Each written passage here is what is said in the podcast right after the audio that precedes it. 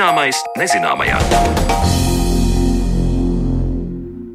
Esiet sveicināti raidījumā Zināmais nezināmajā Sandra Kropa kopā ar jums turpmāko stundu, lai parunātu par saturu internetā.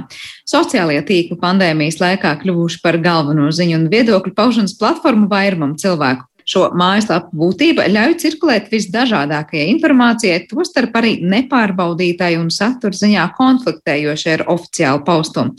Vai šāds saturs ir jādzēš, jāmarķē kā nepatiesa, vai tomēr jāļauj cilvēkiem patstāvīgi pieņemt lēmumu par to, kam ticēt? Par to jau drīz runāsim raidījuma otrajā daļā, taču līdz tam uzzināsim, ko mūsdienās nozīmē neitrāla un objektīva žurnālistika. Uzticams, objektīvs un neitrāls mēdījis pašlaik kļuvis par stūrakmeni daudzām diskusijām. Covid-19 pandēmija, militārie konflikti, bēgļu situācija - šie ir daži no faktoriem, kas reizēm pat izsaukuši vētru sarunās par mēdīju spēju vai nespēju būt neitrāliem. Bet vai tas vispār ir iespējams un vai neutralitāte patiesībā varētu nozīmēt neētisku rīcību, to skaidroja Mariona Baltkalna. Ja mēs paraugāmies uz dažiem pēdējā laika notikumiem, piemēram, bēgļu krīzi uz Baltkrievijas un Polijas robežas, militārajiem konfliktiem Ukrainā vai arī nogurdinošo Covid-19 pandēmiju, tad šos notikumus mēs simboliski varētu salīdzināt ar virpuļviesuli. Tie traucas cauri sabiedrībai, paraujot līdzi virkni emociju, un ļoti bieži šajā virpulī tiek ierauti arī mēdīji un žurnālistika precīzāk izsakoties cilvēku skatījums uz mēdījiem. Aktuālo notikumu kontekstā mēdījiem piedāvāti daudzi apzīmējumi, tie saukti par valdības ruporu, daļa teiktu, ka mēdīji ir uzpirkti un tie nav ne uzticami, ne objektīvi, ne arī neitrāli. Šiem apzīmējumiem tad arī pievērsīsimies šajā sarunā, lai saprastu, vai un cik lielā mērā žurnālistika var būt neitrāla un ko nozīmē objektivitāte. Uz sarunu esmu aicinājusi Vidzemes augstskolas asociēto profesoru Jāni Buholcu, un viņš norāda, Jautājumus par to, ko žurnālistika var dot sabiedrībai un ko sabiedrība sagaida no žurnālistikas, aktualizē pat ne tik daudz viens konkrēts notikums vai krīze, tie drīzāk ir pastāvīgi jautājumi arī šobrīd. Turpina Jānis Buholts. Viena svarīgā lieta šajā ziņā ir tāda, ka žurnālistika jau pati par sevi nav kaut kas tāds statisks un fiksēts. Žurnālistika pastāvīgi atrodas tādā transformācijā, un arī tas, ko var redzēt, piemēram, saistībā ar to, kā žurnālisti veido ziņas. Notiek šī pārmaiņa no ziņu žurnālistikas, kura par savu galveno uzdevumu izvirzas to, ka mēs stāstīsim tikai to, ka lūk, notika šādi un tādi fakti. Un tā pārmaiņa notiek uz tādu žurnālistiku, kurā skaidro lietas. Un tas, protams, arī sasaucas ar šo pašu diskusiju par neutralitāti un par objektivitāti. Proti, vai žurnālistika, kuras uzdevums ir skaidrot, vai viņi vispār var būt uh, neitrāli, un vai vispār tas ir tas, ko mēs sagaidām. Pat ja mēs sakām, ka žurnālistikai jābūt neitrālai, vai to sakot, mēs tik tiešām domājam, ka tā būtu tā žurnālistika, kuru mēs kā mēdīju satura patērētāji arī gaidām. Ja mēs domājam par to pašu žurnālistikas neutralitāti, tad uh, jūs minējāt arī šīs dažādas krīzes, konfliktus un tādas lietas. Un tad, uh, es domāju, ka šie piemēri mums ļauj vienkārši uzdot tādu konkrētu jautājumu par to, kā izskatītos neutralitāte noteikta konflikta kontekstā tādā vispār pieņemtā vārda nozīmē, tad neutralitāte būtu tāda, ka mēs tiešām nenostājamies nevienā pozīcijā. Bet tas, ko der atcerēties, ka nu, pasaulē tomēr eksistē tāda lieta kā patiesība un meli. Eksistē tāda lieta kā agresors un upuris, eksistē tāda lieta kā netaisnība un pārdarījums.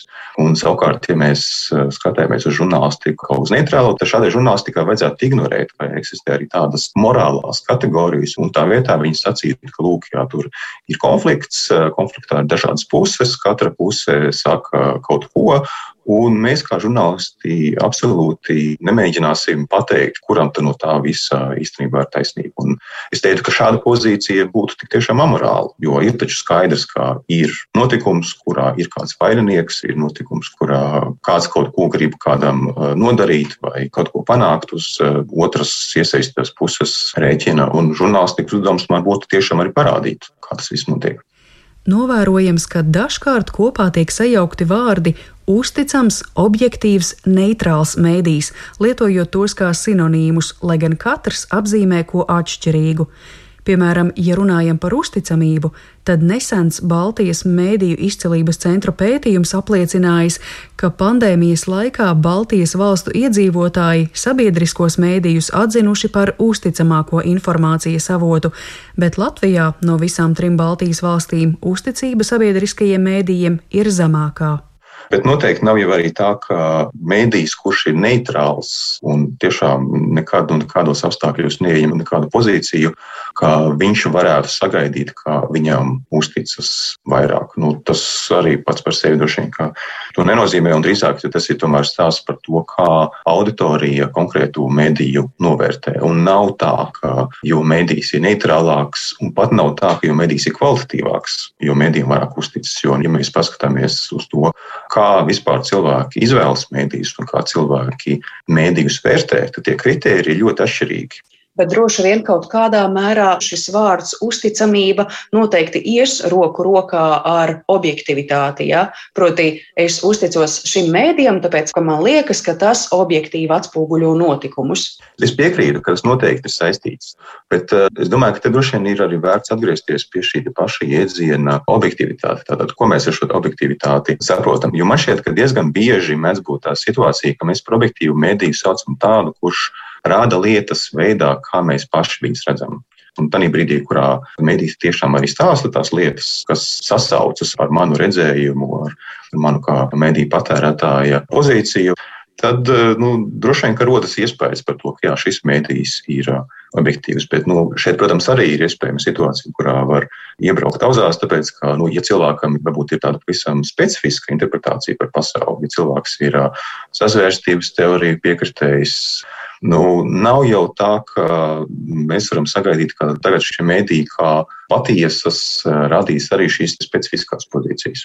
Nu, es droši vien arī aizstāvētu šo pozīciju, ka žurnālistikai būtu jādarbojas pēc citiem principiem nekā tikai saprast, tad, kādi viedokļi ir pārstāvēti mūsu auditorijā, un tad attiecīgi mums vajag veidot raidījumus, kuros viņi tieši atbilstošā proporcijā arī parādās. Jo ir arī tādas pozīcijas, pret kurām ir vērts izturēties kritiski. Mēdīņu uzdevums tomēr ir mēģināt noskaidrot, kā tad ir.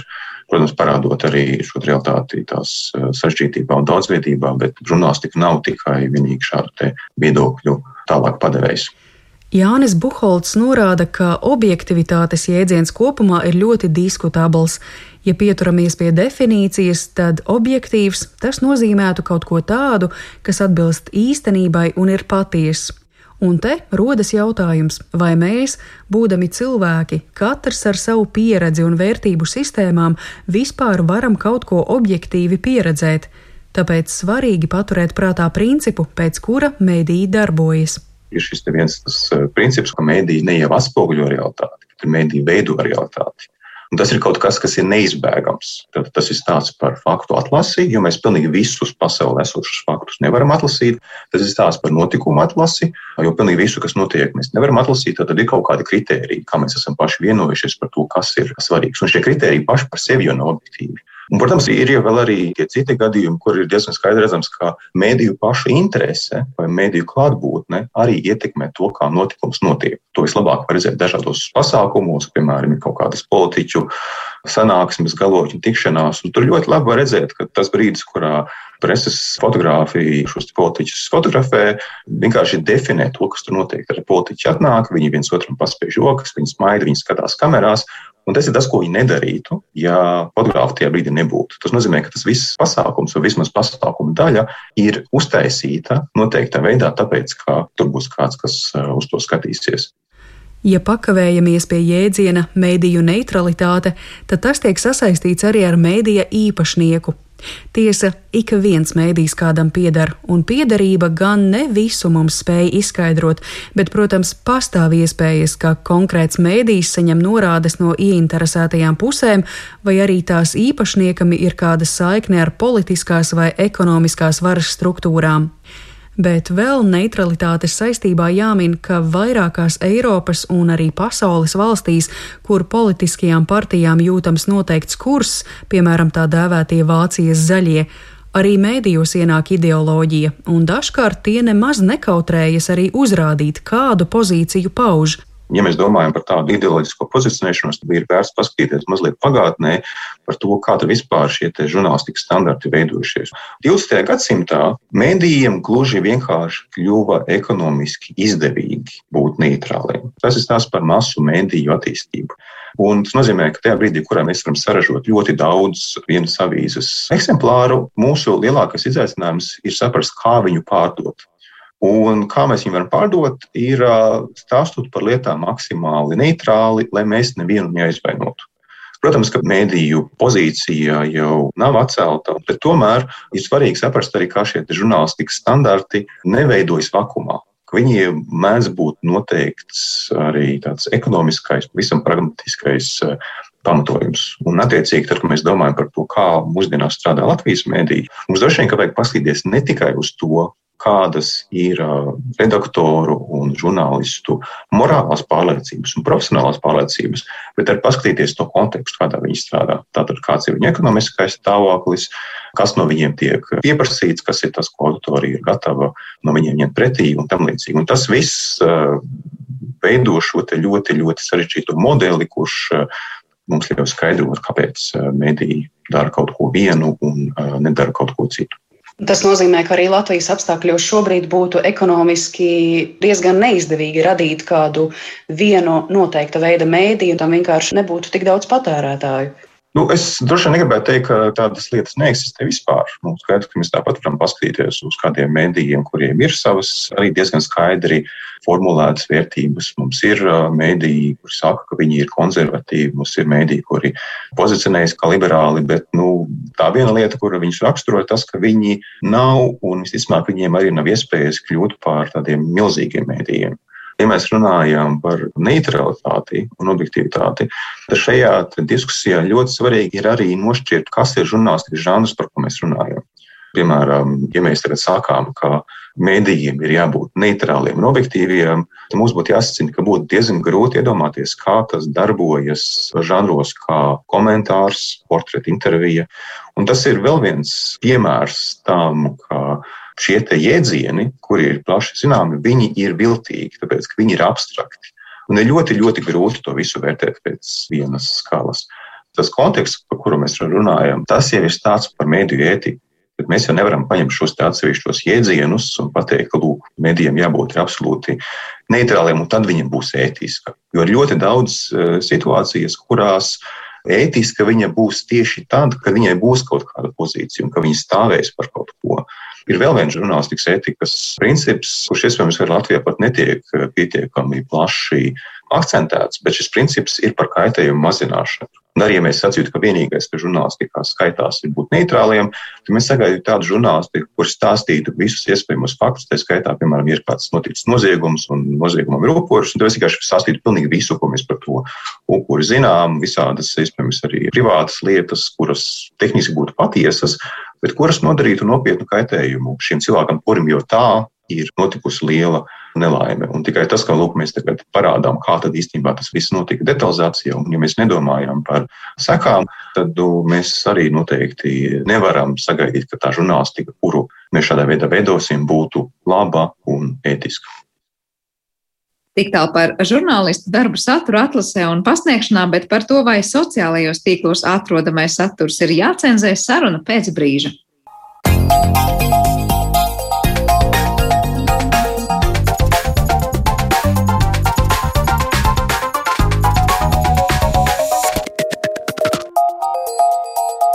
Zināmais nezināmajā.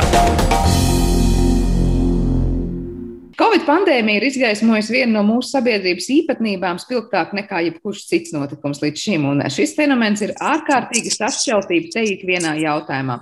Ar atšķirīgiem viedokļiem un dažādajām patiesībām ir pilna mūsu sociālajie tīkli, un tie sniedz krietni pāri vakcinēšanās un epidēmijas jautājumiem. Tie skar gan 5G tīklu, gan lielvalstu vēlēšanas, pat mūsu planētas forma ir tikusi apspriesta. Vai tas nozīmē, ka mēs dzīvojam laikā, kad ik viens viedoklis pretendē uz patiesību, pilnīgi degradējot simtiem gadu kaltos zinātnes pierādījumos bāzētos principus, un vai tas nozīmē, ka šie viedokļi ir jācenzē, jādzēš un jābloķē? Par to tad visu šodien mēs runāsim ar mūsu studijas viešņām. Dezinformācijas izmeklētāja Baltijas valstīs digitālajā izpētes laboratorijā DFR Lab Niku Aleksejevu. Labdien! Labdien! Un komunikācijas zinātnes doktora biznesa konsultanta Olga Bracevska arī kopā ar mums. Sveika, Olga! Sveiki! Nu, sākšu laikam ar to, ka Britu zinātnieku biedrība Royal Society nākus klajā ar ierosmi necenzēt sliktas zinātnes vai pseidozinātnes saturu internetā, bet gan citādāk pret to nedaudz izturēties un jautāšu, nu, kā jūs uzsvērāt šīs ziņas un ko tas īsti nozīmē. Varbūt Nika, es sākšu ar to pseido, varbūt zinātnes un dezinformācijas aspektu un tas, ko ir Briti ierosinājuši darīt. Jā, nu, es domāju, ka šāds secinājums, ka nevajag gluži cenzēt un ka arī nelīdz galam pārbaudītāji kvalitīvā informācijai tomēr ir vieta informatīvajā telpā, tas izriet no pozīcijas, kuru arī es aizstāvu, ka mums ir nepieciešams saglabāt vārda brīvību, vienlaikus arī darot visu, lai uzlabotu informācijas kvalitāti. Jo, ja atceramies, zinātnē vienmēr kaut kas mainās, tas, ko mēs esam uzskatījuši par patiesu šodien, varbūt var, var tikt mainīts rīt. Un, ja mēs kādu, piemēram, ka, ka zeme ir apaļa, nevis plakana, kā domāja viduslaikos, ja to tobrīd izdotos tiešām nocenzēt, tad iespējams mēs vēl joprojām nezinātu, kā ir patiesībā.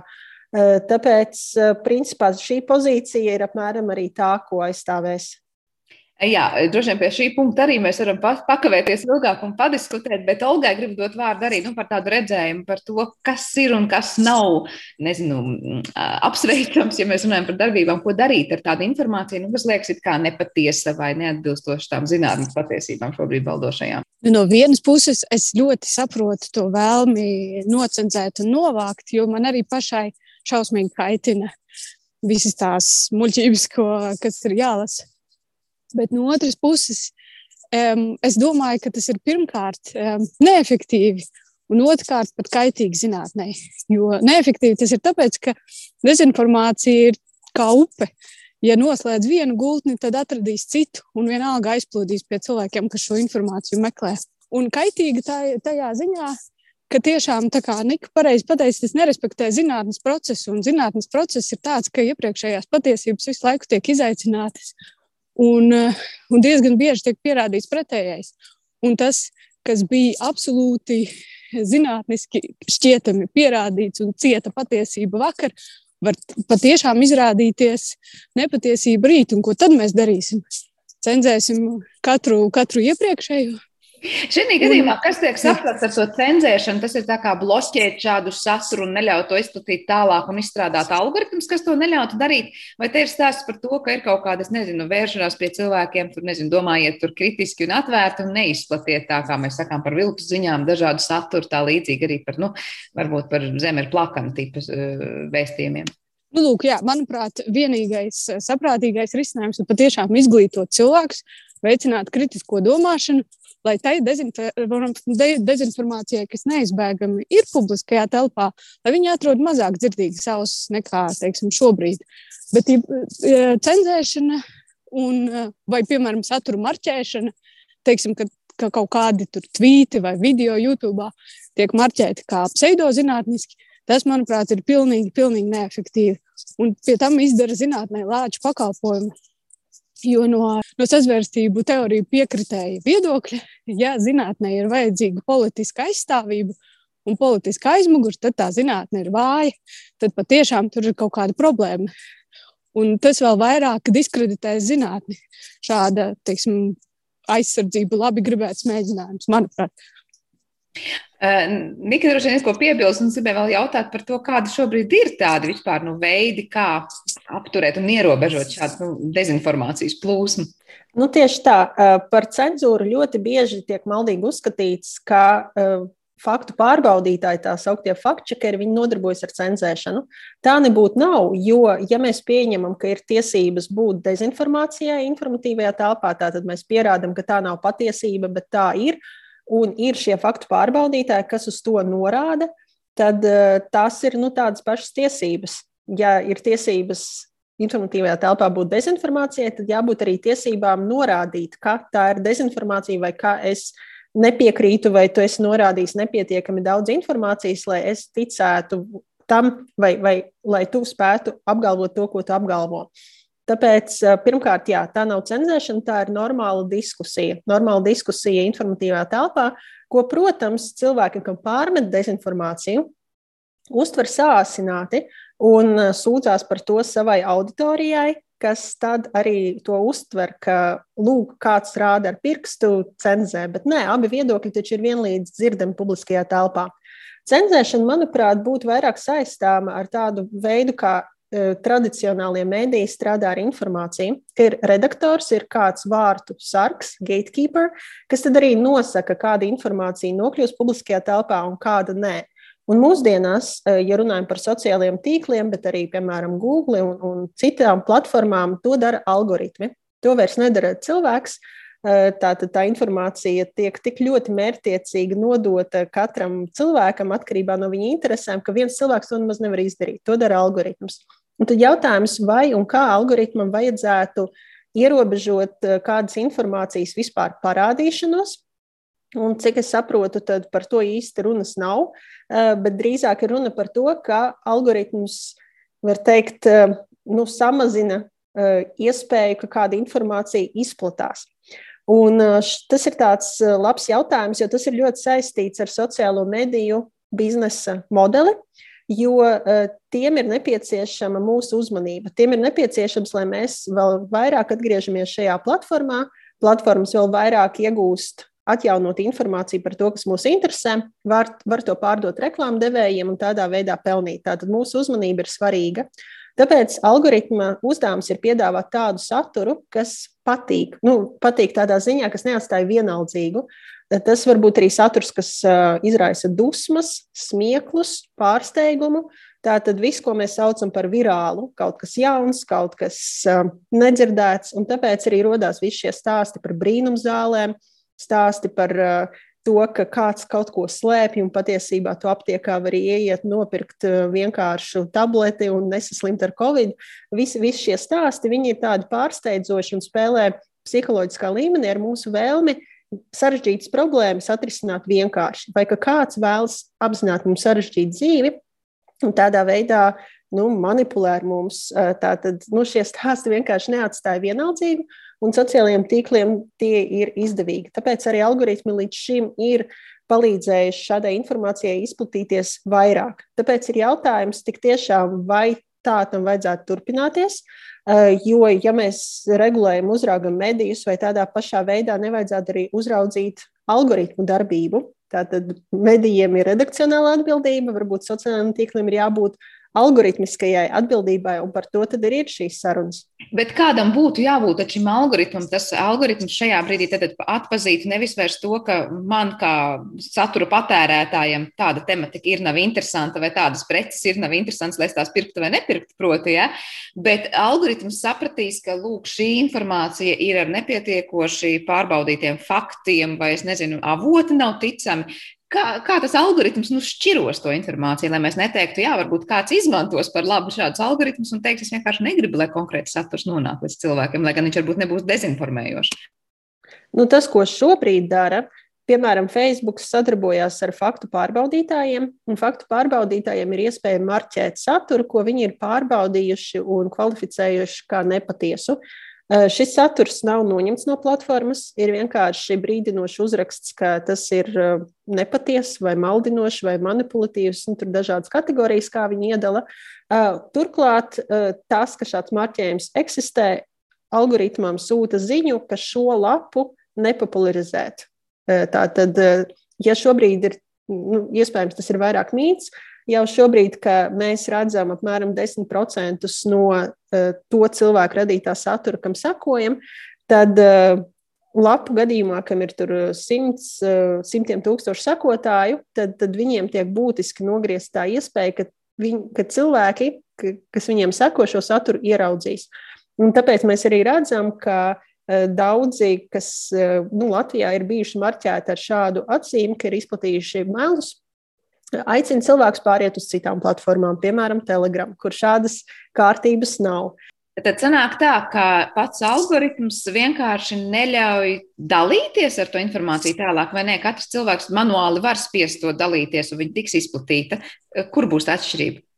Nu, tā atšķirība pašlaik ir tāda, ka cilvēks vienkārši atver savu ziņu lēntu, un aizvien mazāk cilvēkiem tā nepatiesā ziņa vai nu, jaunākā ziņa lapā, kas ir publicējusi iepriekš melus, eh, parādīsies. Tātad Eh, cilvēks vienkārši atver un nav. Visu laiku viņam ir parādījušās ziņas no, nu, ja, ja ņemam Ameriku, piemēram, no Breitbart News, tad tagad pēkšņi vairs nav. Viņš ir no tiem, kam vairs neparādās. Cilvēks var proaktīvi, protams, iet uz šo lapu un proaktīvi ar to dalīties. Eh, bet uh, algoritms uh, vienkārši samazina iespēju, ka kaut kas notiks nu, tā reflektori cilvēkam, ka viņš ir ieraudzījis, kļuvis pārsteigts, nolēmis padalīties, vai atstājis reakciju, vai ielicis komentāru. Jo arī, ja komentē vai atstāja reakciju, arī tad šis saturs tiek piedāvāts citiem cilvēkiem. Tāds sniega pikas efekts, vai ne? Ja viens sāk komentēt un tā kaut ko, kaut ko reaģēt, tad tas piedāvāts citiem, kurš dara to pašu un tālāk aizvirst to saturu vēl līdz kādam. Olga, ko nozīmē un ko praktiski nozīmē sabiedrībā šādas te tendences, ka varbūt jā, ir šīs te lapas, kas, kā tikko Nika teica, nu, saturs netiek noņemts, bet tas tiek parādīts, ka tas ir varbūt nepatiess vai, vai manipulatīvs vai kā citādi. Un vai cilvēkam ir būtiski to redzēt, vai savukārt, tad, kad cilvēks jau ir gatavs patērēt manipulatīvu saturu, viņam patiesībā šādas norādes neko daudz nemaina. Tieši tā, tie otrais variants. Un e, es vēl gribēju piebilst, ka algoritmi ir relatīvi jauna lieta, bet ticības azvērstībām un nepatiesībām un dezinformācijai gan ir veca kā pasaule. Un cilvēki īstenībā vienmēr to ir darījuši, vienmēr ir stāstījuši šādus stāstus. Un visticamāk, tā ir vienkārši daļa no tā, kā strādā mūsu prāts. Mūsu prāts meklē sakarības tur, kur viņa nav. Mūsu prāts vienmēr grib interesantus stāstus un barojas no tā, tā kā baktērijas no cukura. Un, un mūsu prāts vienmēr domā, ka mums kā bišķiņi kāds ved ap stūri un ka mums ir jāatrod kaut kāda patiesība. Tā kā, nu, es esmu skeptiska arī dzēn pret satura marķēšanu. Um, nu, lai gan mums nav iespējas novērtēt nu, kā kaut kādu cietu datu par to, kā tas darbojas vai nedarbojas, mums īsti pašlaik nav. Bet man ir sajūta, ka tie, kas grib, tie atradīs marķētu vai nemarķētu saturu tajā vai šajā platformā. Un eh, es esmu vēl skeptiska attiecībā uz algoritmiem arī tajā ziņā, ka pat tad, ja algoritmi it kā dara tā, kā mēs gribētu, kuri mēs, nu, teiksim, kāda valdība vai grupa vai, vai labi, labi domājoši gaisa cilvēki zinātnes aizstāvības vārdā izdomā kaut kādu veidu, kā piespiest algoritmus darīt tā, kā mēs gribam, tie vienalga paliek nepārredzami. Necaurspīdīga sistēma, kas darbojas pēc biznesa loģikas, tomēr lielā mērā, kuru nav iespējams izskaust. Un uh, tas joprojām paliek problemātiski. Es joprojām domāju, ka risinājums ir nevis tajā informācijas piedāvājuma pusē, bet gan informācijas patērētāja pusē. Proti, informētāks, gudrāks, kritiski domājošāks patērētājs ir tas, kas mūs varētu glābt. Bet tas, ko no reālajām dezinformācijas sekām, jā, es gribēju pateikt, ka tiešām tās sekas ir absolūti reāls. Cilvēki mirst no covid, tāpēc, ka viņi ir izlasījuši kaut kādu muļķību par kārtējo brīnumzālīti vai par to, cik it kā kaitīgas esot vakcīnas. Un, un tad mēs redzam reālas, pilnīgi taustāmas uh, sekas uh, gan individu veselībā, gan publiskajā veselībā. Nikai, laikam, bija kas piebilstams vai sakāms? Jā, es vēlējos rēģēt uz uh, Olgas uh, viedokli par to, ka tas ir drīzāk patērētāja pusē un mazāk algoritmu pusē. Jā, tam var daļēji piekrist, bet tikai daļēji. Jo iedomāsimies, uh, skolotāji 60 gadi ir pandēmija, tagad ir jāmāca attālināti, ar bērniem arī vairs nevar tikties. Viņa sāk lietot sociālos tīklus. Un um, nu, droši vien ir pierasts, ka informācija, kas, kas ir tādā drukātā veidā, tā ir pārbaudīta, Un viss, kas ir sociālajos tīklos, ir rakstīts ar drukātiem burtiem, ar to dalās viņas kolēģi, viņas bērni un tā tālāk. Un tā ir tā informācija, no kā viņi arī izdara secinājumus, kā tad ar to covid ir, kā nav. Jo tā ir ļoti jauna parādība, par to grāmatās vēl neraksta, un tas ir vienīgais informācijas avots. Un uh, viņa ir arī cilvēks, jo nu, tā ir hipotētiska skolotāja, ja, kas ir uh, tikko sākusi lietot sociālos tīklus un nezina, vai nav līdz galam padomājis, ka tur var arī melot, ka sociālajos tīklos saturu var radīt jebkurš. Un šādi cilvēki, manuprāt, ir ļoti ievainojami pret uh, to informāciju, ko algoritms viņiem sākotnēji piedāvā. Un, ja algoritms sākotnēji piedāvā informāciju, kas cilvēkos raisa pārsteigumu, dusmas, smieklus, Iespējams, ka tur ir šīs psiholoģiskā manipulācija, ko panāk arī varbūt kādus faktus izlaižot, eh, varbūt kādus citus faktus pārlieku uzsverot. Un cilvēkam radās attieksme, kas nu, negluži atbilst īstenībai, tikai tāpēc, ka viņš ir iesūkts šajā algoritmiskajā burbulī. Tas bija mans eh, atbildes komentārs pret to, ko Olga teica. Manu, manuprāt, gan Niks piemērs tieši pierāda to, ko es teicu, ka mums Ja 60-gadīgā skolotāja tic visam, pirmoreiz pierakstījis Facebookā un tic visam, kas tur ir rakstīts, tad nekāda Facebook salabošana mums nepalīdzēs. Tāpēc, tad mums jā, jāsalabo arī viss pārējie informācijas avoti, ar ko šī skolotāja varētu sastapties. Jo projām daudz efektīvāk ir palīdzēt skolotājai iemācīties, kā apieties ar sociālajiem tīkliem, kāda ir to būtība. Daudz vieglāk mums ir viens punkts skolotāji un daudz punktu informācijas avoti. Mums ir daudz vieglāk strādāt ar skolotāju. Un, jebkurā gadījumā, mums ir jāpalīdz skolotājai kļūt kritiskāk domājošai, jo tas ir viņas skolēnu un, attiecīgi, vecāku interesēs. Ja skolotājai ir tik zems mēdīņu pratības un kritiskās domāšanas līmenis, ka viņi iet Facebookā un tic visam, kas tur rakstīts, tad nevis Facebook mūsu problēma, bet skolotāji. Viņi aizies pie bērniem un ko viņi var viņiem iemācīt ar šādu kritiskās domāšanas līmeni. Bet, eh, ja Olga, pie tevis teiktā, un patiesībā pie Nikas teiktā arī es jautāju tā, ka labi, eh, viens punkts ir skolotāji un daudz punkti ir visi šie informācijas avoti, kas varētu būt ar viņu, kas būtu labojami, var teikt, ilgāk nekā darbs ar vienu skolotāju. Bet, lai iemācītu vienam cilvēkam kritisko domāšanu, tur laiks paies vairāk nekā, nezinu, radīs vienu algoritmu, ja, kas varbūt to saturu mazliet pielabos vai, vai korģēs tādā ziņā, cik daudz to var izplatīt. Kā ir ar šo laiku, un vai nav tā, ka kamēr sabiedrība nu, iemācīsies būt pietiekoši kritiski domājoši, pietiekoši lielā masā, nu, tur paies laiks, un pa to laiku var te pilnīgi, es nezinu, kādas revolūcijas uztaisīt, dezinformācijas kampaņas kādas. Tas tiesa, tas nenotiek ātri, bet toties tas ir reāls risinājums. Kā zināms, ir, ir tāda paruna, ka jebkurai sarežģītai problēmai ir, ir atbilde, kas ir īsa, vienkārša un nepareiza. Un šajā gadījumā arī dzen, mēs varam iziet uz risinājumu, kas ir pievilcīgs savā vienkāršībā, nokontrolēt tātad informācijas pieejamību, bet tas, diemžēl, nesasniegs efektu. Mums ir būtu daudz godīgāk visiem atzīt, ka ir tomēr vajadzīgi ilgtermiņa ieguldījumi kritiskās domāšanas attīstībā, tiešām plašās cilvēku masās. Nevis kaut kāda plāksteri, kas rada ilūziju par to, ka nu, mēs esam izdarījuši labu darbiņu. Tagad dezinformācija ir ierobežota, un tagad mēs varam atvieglot nopūsties. Tā vienkārši, diemžēl, nebūs. Nika droši vien, jā, ir ko. Jā, es tikai gribēju piebilst, ka es noteikti neesmu pret kritiskās domāšanas, mediju pratības un arī zinātniskās metodas izpratnes, tā teikt, nu, izglītošanu sabiedrībā. Uh, tas noteikti ir vajadzīgs, eh, jau zināmas lietas tiek darītas, tās ir jādara vēl vairāk, bet tās, ir, tas, tās nāk ar laiku, jo tur ir nepieciešama prakse. Un cilvēkiem ir jādod šie sarkanie karodziņi, lai viņi tos laicīgi atpazītu un pieņemtu šo apzināto, nevis reflektīvo lēmumu. Eh, taču arī platformām ir sava loma, un ja platformas turpinās nu, darīt to, ko tās dara, tad tas vienkārši palēninās šo procesu vēl vairāk. Tāpēc eh, es uzskatu, ka abām lietām ir jābūt paralēlām. Un eh, arī, kā Sandra teica, tad tieši tā laiks ir tas, eh, kas, ar ko šobrīd šī informatīvā telpa atšķirās no tās informatīvās telpas, kas iespējams bija nu, pirms interneta laikmetā. Jo agrāk taču nu, tiešām prasīja ilgu laiku, bija iesaistīti žurnālisti, kam nebija varbūt tādas tehnoloģijas, ka viņi ātri var visu apstrādāt un nosūtīt. Laiks aizgāja, kamēr pārbauda šo informāciju, laiks aizgāja, kamēr nodrukāja šo informāciju. Tagad tas viss notiek ar klikšķu un sekundžu laikā. Tāpēc uh, laiks tiešām ir svarīgs aspekts, ko mēs nedrīkstam palaist garām šajā diskusijā. Jā, tā kā tas ir vēl viens papildus izaicinājums, kas tiešām atšķir šo informatīvo telpu no visām iepriekšējām, kas ir bijušas.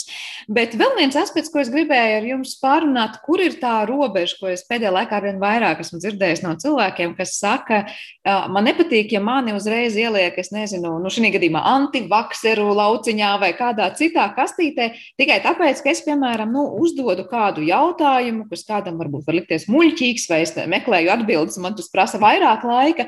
Proti, ka ir tāds ļoti izteikts Latvijā dalījums pareizie, nepareizie viedokļi. Un es izteikti Twitterī, piemēram, nu, kaut kādi burbuļi, kuros liekas, ka cilvēki tik ļoti aizstāv to savu zinātnē balstīto patiesību, ka ļoti nu, pat uzbrukoši ir pret tiem pārējiem. Kur ir robeža, ka mēs šobrīd nodarbojamies ar dezinformāciju, dezinformāciju, ja mēs pieļaujam to, ka cilvēkam ir tiesības uzskatīt to, ko viņš uzskata, un domāt to, ko viņš domā? Un tajā pašā laikā mēs sākam jau nu, līdzīgi, kā nu, demagoģiski pieiet tam, ka ir viens pareizais uzskats, un nedod Dievs, visi, kas maldās, ir slikti un, un, un muļķīgi un neizglītoti. Nika, varbūt sākšu ar tevi. Jā, nu šis ir tāds ļoti interesants jautājums, jo tas faktiski atspoguļo to, kādi mēs esam. Manuprāt, līdz šim Latvijā nav bijis īpaši daudz tādu sabiedrību šķeļošu jautājumu, tīpaši tādu, kas rodās tik īsā laikā. Tāpēc droši vien cilvēki rīkojas intuitīvi, šajās diskusijās, kur uh, liekas, mēs taču mācījāmies vienā kursā, vai mēs taču draudzējāmies ar vieniem un tiem pašiem cilvēkiem, kā mums var būt tik atšķirīgi viedokļi, kā mums var būt tik atšķirīga informācija, ko mēs izmantojam un tā tālāk. Un, um, droši vien tas ir tāds mūsu komun savstarpējās komunikācijas brieduma jautājums, jo uh, tas, kas notiek šajās sarunās, mēs savu viedokli ļoti cieši saistam ar to, kas mēs esam. Eh, ja cilvēks, eh, piemēram, daudz izmanto zinātnisko literatūru, avotus, tajā balsta savu viedokli, tad eh, viņš vēlas, lai nu, viņ, no viņa viedokļa viņš ir izdarījis visu, lai vēstītu patiesību otram. Savukārt otrs cilvēks uzskata, ka, hei, tās taču tomēr ir sistēmas, tur taču ir nauda, biznesa, vai tiešām viss ir tik, tik, nu, vai tiešām visam, ko ir radījusi šī zinātniskā kopiena, vai tiešām visam var ticēt, un kā ar tiem gadījumiem, kur zinātne izrādījās, ka tā nav patiesība, tā, tad viņi iz, iziet no pavisam cita, cita skatu punkta. Un uh, abi šie cilvēki tātad, uh, tajā balsta savu identitāti. Un uh, nu, labākais, ko viņi varbūt var izdarīt, lai nesastrīdētos, ir piekrist, ka viņi nepiekrīt viens otram. Taču nākamais līmenis būtu izprast, nu, no kādas perspektīvas tad nāk tas otrs tavs oponents. Un uh, runāt varbūt ne tik ļoti, lai uzvarētu šajā strīdā, kur uzvara nozīmē, ka otrs ir teicis, jā, tev bija taisnība, es kļūdījos, visas iešu vakcinēties. Bet um, tiešām, ka abi spēlētāji šajā diskusijā vēlas nonākt pie tādas objektīvas patiesības un saprast, kur ir tie informācijas caurumi gan vienam, gan otram. Tātad saprast, ko viņi zina, ko viņi vēl nezina, un ko viņi, nu, labi, vēlāk varbūt viņi sapratīs, ko viņi nezina, ka nezina. Tāpēc, jā, nu, līdz, lai līdz tam nonāktu, tur ir nepieciešama gan psiholoģiskā noturība, gan arī nu, patiesa vēlme nevis aizstāvēt savu identitāti, bet attiekt no tās un tiešām runāt par, par lietu, kas ir grūti, ja tu neesi eksperts, ja tu esi vienkārši tāds dīvains eksperts, eh, jo tiem tad liekas, ka viņi tiešām visu zina. Jā, paldies, Olga. Droši vien, ka tev arī ir ko piebilst par šo redzējumu. Es varu tikai piekrist tam, ko saka Nika, eh, ka atvērts prāts un patiesa vēlme izzināt patiesību un spēja atzīt savas kļūdas ir, ir vienīgais risinājums šajos, šajā polarizācijas laikmetā. Bet jāatzīst, ka tas ir ļoti augsts standarts. Un es pati neesmu gatava par sevi pateikt, ka es kā, esmu tur un, eh, un lai met akmeni. Eh, pirmais, kurš, kurš uzskata, ka viņš ir tik apgaismots, ka nekad neiekrīt šajās lamatās. Tā kā, nu jā, es varu tikai novēlēt mums visiem atvērt prātu un spēju uzdot jautājumus, meklēt, kļūdīties, vēlreiz meklēt un tad nonākt pie kaut kā labāka, kopīgā diskusijā. Sarunas sākumā tu pati teici, man, man, man krīt uz nerviem tas eh, dažkārt, ka var nezinu, kā, kā tu teici, tas saturs, kas ir pilnīgi muļķīgs. Krīt, krīt. Mm -hmm. Jā, un tad es gribēju jautāt par to, kā savukārt kļūt, nu es nezinu, vai tas būs īstais vārds iecietīgākiem pret arī to, ka citi var būt tādi, kas, nu, vēl nav, nezinu, sapratuši, vai tas, ko tu tikko minēji, iedomājušies, ka es kaut ko nezinu, vai tomēr, kur ir robeža un ir jābūt stingram tajā, ka, nu, pietiek izplatīt muļķības, ja tās tiešām ir muļķības muļķības, bet atkal mēs nonākam pie tā, ko Nika teica, ka kādam var likties, jā, bet šobrīd tās ir muļķības. Varbūt ir kāds aspekts, kurā cilvēkam ir kaut kādi savi argumenti, kāpēc viņš konkrētajai lietai nu, netic vai ne, tik ļoti, nezinu, neiet tajā varbūt ierastā domu gaitā. Kā atrast to, to, to pareizo proporciju? Šeit es varu runāt tikai par savu personīgo pieredzi. Es esmu pietiekami daudzas reizes ļoti kļūdījusies, aizstāvot kaut kādu viedokli. Un, uh, jo vairāk man ir gadu, jo vairāk es saprotu, ka karošana un, un gatavība krist par eh, kaut kādu uh, pozīciju ir diezgan trūla lieta. Nu, tas notrūlina prātu. Tāpēc uh, es pati tiešām cenšos drīzāk pat neiecietību uh, sevi attīstīt, bet tieši atvērtu prātu un vienkārši saglabāt vienmēr iespēju, ka varbūt ka es kļūdos un, un varbūt ka šis cilvēks, kas ir man pretī, un kas runā, manuprāt, muļķības, ir īstenībā man dots kā skolotājs. Nu, tāda budistiska pieeja, tā teikt, jautājumam. Var teikt, sāc ar sevi, ja tā būtu atslēgas vārds. jā, jā, vienmēr. Bet, nu, protams, atkal man ir uzreiz jāatzīst, ka es ļoti bieži nespēju to izdarīt, un, un es daudz vairāk kļūdos nekā nekļūdos. Tāpat kā, manuprāt, mēs visi. Tieši tā. Nika, tavs redzējums. Nu jā, es varu atkal piekrist Olgai. Uh, taču internetā, ja mēs palasām komentārus, uh, ko kāds ir atstājis par kādu citu vienkāršu viedokli, mēs redzam, ka tur ir daudz nu, tāda, mm, nu, tāda negatīva emocija un dažkārt arī provocējoša negatīva emocija. Droši vien un daļēji ar mērķi tieši izprovocēt cilvēku, lai arī otrs pāriet tādā pašā komunikācijas līmenī, piemēram, stulbs, nē, pats stulbs, un tālāk jau tā saruna pāries tikai varbūt uz personībām. Un nu, ar to arī ir jābūt uzmanīgiem, it īpaši sociālajos tīklos, jo digitālajā telpā nekas nepaliek nepamanīts. Un ir jāapzinās, ka varbūt tādos polarizējošos jautājumos, īpaši jūs esat saistīts ar kādu nozari vai, vai ar kādu uh, nu, atbildīgu amatu, uh, ka jūs varbūt apzināti vēlas provocēt, lai jūs atstājat to komentāru vai kaut ko pasakāt vai kā. Uh, pat ja tas ir noticis privātā sarakstē, vienmēr var paņemt, uzņemt ekrānu šāviņu, vai, ja tas ir bijis arī nu, ziņa apmaiņa verbāli, tad arī to var ierakstīt. Nu, ir jāsaprot, ka ir šī stratēģija, ko izmanto tās augtie troļi, kas nevēlas veidot saturīgu diskusiju, bet kuru mērķis ir izprovocēt cilvēku, padarīt šo diskusiju par haosu, šovu, vai parādīt, cik tā ir bezjēdzīga un tādā veidā novērst cilvēku uzmanību no tā, kas ir patiešām svarīgi. Un otrs, jā, diskreditēt cilvēkus. Tāpēc uh, varbūt jā, tā ir tāda atsevišķa tēma, uh, drīzāk piebilde pie, pie šīs komunikācijas kultūras, kur mēs meklējam patiesību, ka ir arī nu, jā, šī, šī apzināta stratēģija, kas, kas nav labvēlīga otram sarunbiedram. Iezīmēs patiesībā vēl viena lieta, kas ļoti raksturo mūsdienu informatīvo telpu. Ja, tas ir nevis pirms tam pieminētais ātrums, kādā tur izplatās informācija, bet gan tas, ka tiešām tur daudz provokāciju, kas tiek apzināti radītas un, un, un daudz kas pie tā strādā, lai tikai pieķertu mūs varbūt pie kādas domas, kuru pēc tam varētu ielikt kaut kur, bet redz, kā tu taču teici tā, un tu kļuvi agresīvs vai kā citādi emocionāli uzvilks, runājot par konkrētām lietām. Nu, vienkārši jūsos klausoties, liekas, tiešām viena ir lieta tas, ka jāstrādā pie tā, lai, lai audzinātu sevī šo tiešām kritiskās domāšanas kultūru, informāciju patērējot un ar to daloties. Lai klausītos otrā, lai sadzirdētu, nevis lai vienkārši atbildētu un pateiktu to savu viedokli. Un noteikti pateikt to, ka nu, šajā informatīvajā telpā vispirms jāpadomā un tad jāpasaka vārdu visciešākajā nozīmē, jo tas varētu mums dārgi maksāt kādā citā reizē.